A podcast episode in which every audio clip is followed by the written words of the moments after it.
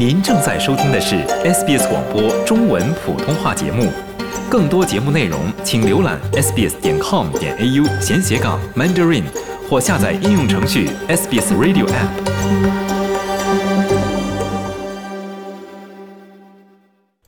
听众朋友们，大家好，欢迎您收听本期的闲话澳洲，我是雨夜。今天呢，我们还是请到了特约嘉宾 Helen。在上几期的节目之中呢，Helen 和我是多次谈到澳式烧烤 ozi barbecue 的这个话题啊。那今天呢，Helen 就要来和听众朋友们具体讲一讲 ozi barbecue 澳式烧烤究竟是一个什么样的澳洲传统。Helen 您好，哎，你好爷，听众朋友大家好。嗯，Helen 啊，在前两期的节目之中啊，我们是多次提到了澳式烧烤的这个话题啊，相信很多听众朋友们对澳式烧烤还是非常感兴趣的，特别是在现在疫情非常紧张的情况之下。烧烤这一个可以在室外举行的活动，应该是代替了很多在室内举行的一些餐饮啊，或者是大餐之类的，也可以让大家去和亲朋好友们相见呐，或者是一些享受一些美好的时光。今天呢，可能就是想请您来给我们讲一讲 Aussie Barbie 它到底是一个什么样的形式呢？可以说吧，嗯。嗯，我觉得就是呃，澳洲的 barbecue 啊，对澳洲人来讲，不完全只是大家聚在一起吃顿饭而已了，它已经是澳洲文化的一个非常重要的部分，因为它代表了就是大家如何在一起，是社交呃上不可或缺的一部分了。随后呢，呃，我觉得就是非常经典的，大家可能注意到，就在很多广告电视的广告里，如果是有一个 barbecue 的场景呢，你可以看到就是。呃，我现在是真的是闭着眼睛，我就可以想象非常经典的就是一群男的，就是围着 那个 barbecue 炉，随后呢，大家一起喝酒聊天，同时呢，就看着在 barbecue 上烧烤的那些呃肉类啊，或者蔬菜，甚至于之类的，随后人手一瓶一个 stubby，就是那种小瓶的啤酒，随后大家一起聊天，随后女眷呢。大多数是在可能在家里厨房或者旁边坐着聊天，也有可能或者在家里厨房准备跟那个 barbecue 匹配的一些各种各样的色拉之类。随后一群孩子围着，比如说一个草坪的喷水器啊，就是那种会转的那个喷水器，在围着那个喷水器玩。这是在澳洲很多澳洲人的心目中。就是一个非常经典的画面，代表着就是生活非常的平静，非常的美好，而且非常的休闲，什么都不用担心，只要大家聚集在一起就可以了。嗯，真的是 Helen 一把这个场景描述出来，在我脑海中也是出现了一个非常鲜活的画面啊，感觉也是在很多的电视剧啊、电影之中得到了相应的表现。而且一般说到这个烧烤，一般是男士来主导的，然后女士一般是在旁边起一个辅助的作用啊。我记得我之前看过一个，虽然说不是澳洲的动画吧，应该是美国的，但是之中呢也是描述了一个相似的场景啊。当时好像是妈妈想要帮爸爸去 烤一件东西，爸爸好像感觉非常的生气，他说你好像是踏足了我平时应该做的一个事情啊。感觉这个在澳洲也是一个差不多的形式。对对，澳洲呢，有的时候很多人都会说，Do not mess with a man with a pair of tongs near the barbie，就是 不要去打扰那个握着钳子站在 barbecue 炉旁边的那个男的，因为这个时候他有一个神圣的权利，他是来主导这个 barbecue 是怎么来烧烤的。嗯，没错，看来这个真的是世界上很多地方都是通用的一个理念啊。那说到这个澳式烧烤。澳式烧烤，他们一般都是在烤一些什么呢？我觉得澳式烧烤，呃，什么蛋白类的食物，比如说肉啊，呃，就鸡鸭鱼肉，其实都会去烧烤。但是呢，从肉的角度来讲呢，我觉得澳洲人对肉的选择并不是特别的讲究。对他们来讲，不用选，尤其是牛肉、羊肉之类的，他们呢分那个 prime cut。就是比较好的那个部位，最后呢就一般的，因为那个烧烤，说实话，虽然说是男士们主导，但是他们在那儿多过一半的时间可能是用来说话，所以说对比较讲究的那一些呃肉类呢，其实是糟蹋了。所以呢，我觉得就是澳洲烧烤可能必不可少的是香肠 sausage。Sausage sizzle 嘛，这也是澳洲文化的，呃，也是一个我觉得也是澳洲文化的一个组成部分。可能大家都记得去那个 Bunnings，然后在 Bunnings 门口都有一个 sausage sizzle。摆的摊就是可以买一根 sausage，给你一块面包这样吃，这个 sausage 是必不可少的。随后呢，接下来就是牛排啊、羊排啊。一般呢，羊排它可能就会找一些比较不是特别贵的那一些。首先，澳洲人呃在平常生活中对和牛其实也没有这么感兴趣，就更不用说把和牛放到烧烤上去了。但是呢，我来那么久，我觉得澳洲人对海鲜真的是越来越喜欢。因为我刚刚来的时候，我觉得澳洲人还是怎么说呢？因为刚刚来的时候，可能是英国的移民后代占主导地位嘛，所以呢，对他们来讲，他们的饮食基本上是 meat and three veg，就是一块肉，三种蔬菜。那个蔬菜呢是煮死的，所以呢，他们对那个海鲜其实吃的不多。但是呢，现在由各方移民来了以后呢，就慢慢的，澳洲人本身的饮食习惯，其实怎么说呢？澳洲人这个概念，我觉得本身就是一个流动性的概念，因为它本来就是一个多元文化的组合。所以呢，就是大家对海鲜越来越感兴趣了，所以鱼啊、虾呀也都会上烧烤炉了。嗯，我记得之前跟我的家人朋友们去烧烤的时候，我们还会把饺子 放在那个烧烤的炉子上面，感觉也是一个多元文化的一个表现吧。然后再说到这个烤香肠啊之类的，真的是记忆非常深刻。之前在上大学的时候，每次的 orientation 啊，或者是一有什么活动，学校里就会支起那种香肠摊儿吧，就是一块面包一个香肠，然后到时候旁边会放一排的 sauce。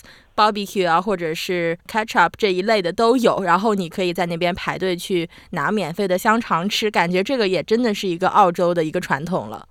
对，的确是，而且呢，还有一就是有趣的一点呢，就是烤香肠一般他们都会在烧烤上放很多洋葱。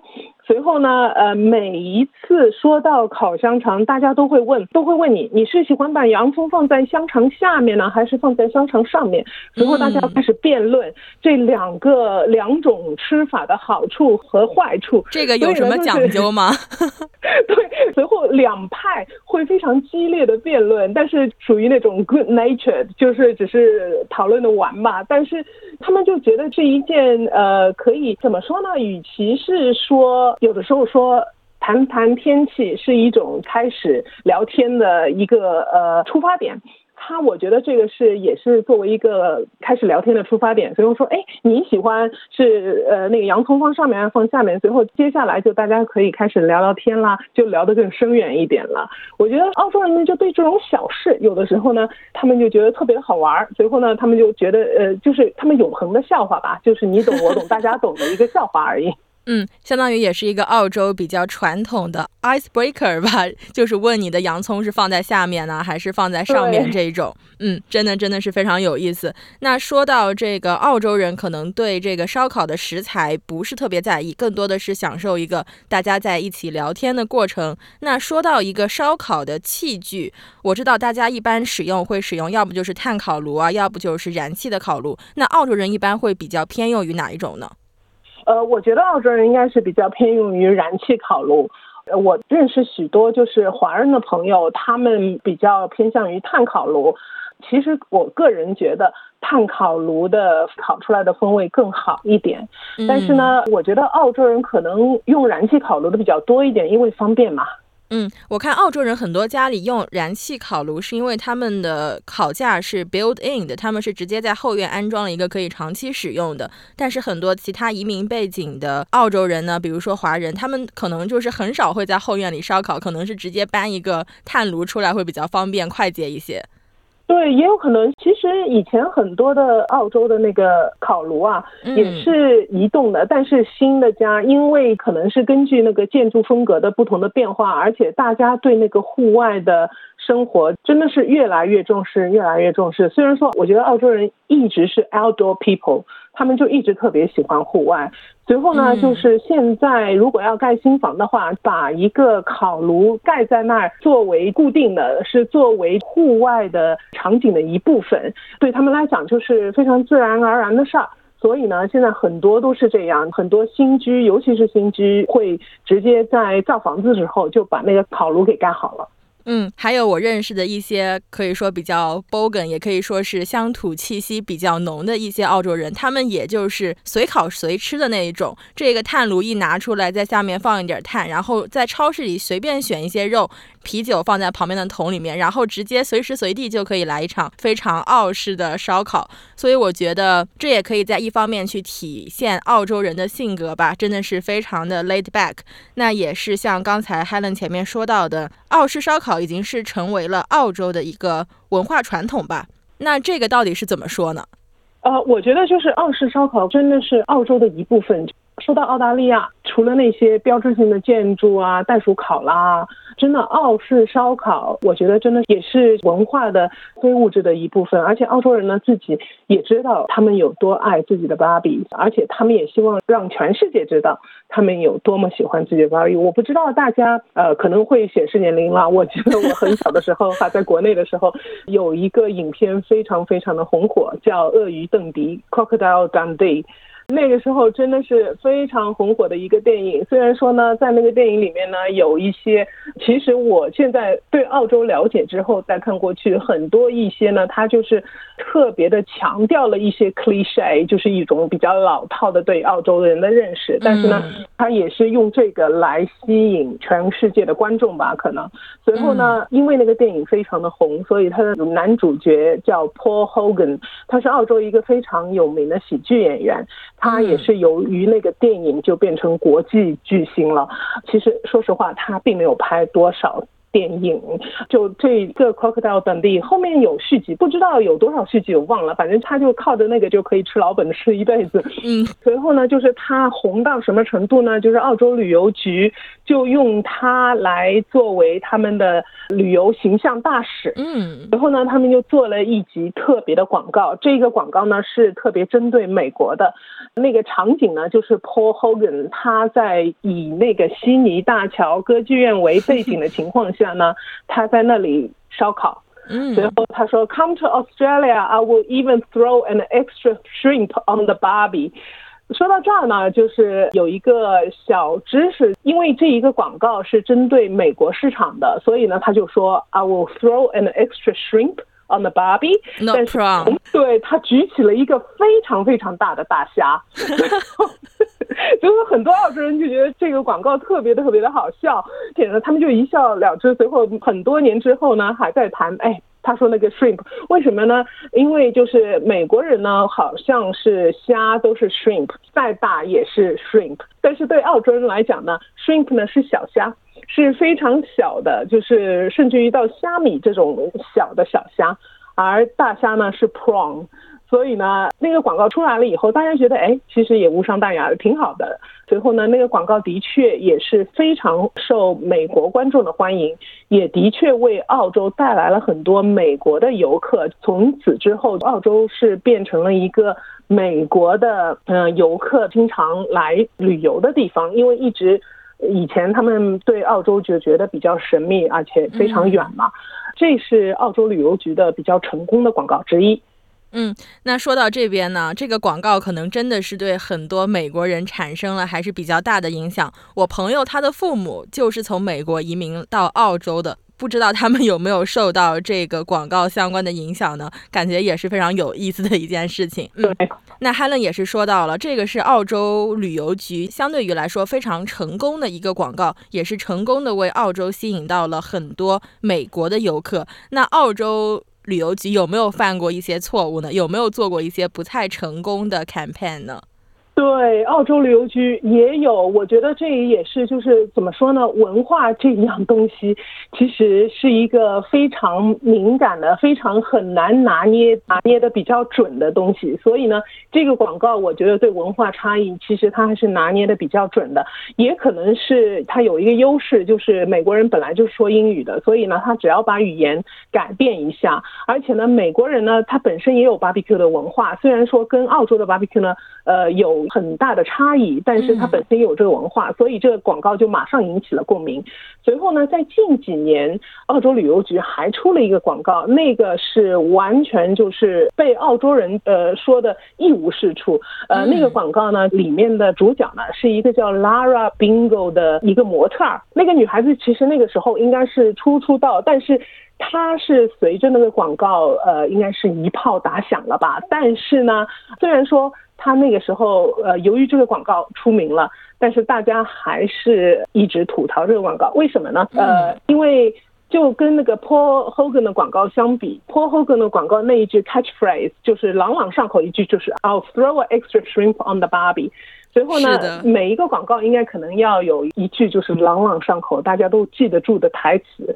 那个 Lara Bingo 广告的台词呢，就是那个广告我就记得就展示了很多澳大利亚非常漂亮的风景。随后 Lara Bingo 跑出来就说：“So where the bloody hell are you？” 说的直白一点就是，哎，这个怎么翻译？不骂人好像。对这个 bloody 在在这个语境里看来，好像就是有一些不太正面的意思啊。对，其实 bloody 呢，就是一个是一个澳洲人非常习惯用的语气词。因为我记得我在国内跟我先生刚刚认识的时候，呃，我记得特别清楚。刚刚开始我跟他对话，用英语对话呢，就是通常他说三句话，我第三句我必须要让他重复一遍，因为我跟不上节奏。随后呢，他会重复，随后他会把那个语速放慢。交往了一段时间之后呢，我记得很清楚，他说有两点，他知道我的英语已经进步非常的迅速了。第一就是他可以用正常语速跟我交谈，我不用再让他放慢语速了。第二，他说 You even know what bloody mean？啊，就是你能感受到这个语境里面这个词它代表的不是表面的含义。对。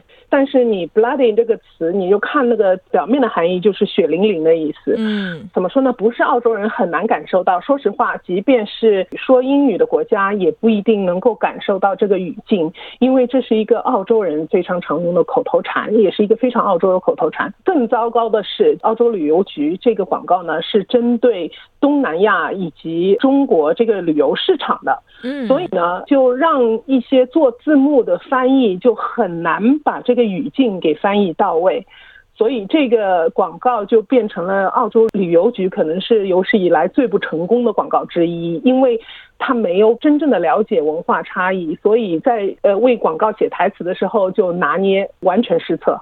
嗯，从这个角度来看，就是英语中很多的词可能并不是它表面上看上去那么的简单吧。特别是从澳式英语的这个角度来说，再加上这个广告针对的群体很多都是英语不是母语的一些亚洲人吧，对他们来说，这个广告的意思可能是真的非常难以理解了，甚至还有一些不太礼貌的感觉在里面。嗯，对。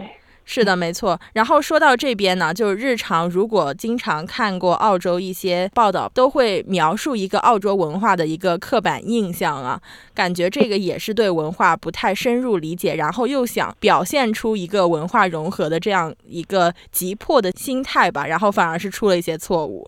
对，我也觉得，其实说实话，我们谈到澳洲，真的是有的时候呢，就是很多东西先要给出前提，就是比如说我们现在说闲话澳洲，但是说的呢也是多年来从英国殖民到现在，呃的一些就是主流的。那个时候呢，应该是因为是英国殖民开始。所以呢，真的是说澳洲人，澳洲人呢，其实很多就是我们口中的澳洲人，可能多指的是英国移民的后代。所以我们必须要说，哎，我们主要是说的这一系移民的他们的习惯啦什么，随后呢，就是养成了一个澳洲比较独特的一些文化。但是呢，现在澳洲的文化，我觉得真的是不断在变化，因为随着不同地区移民呃来到澳洲。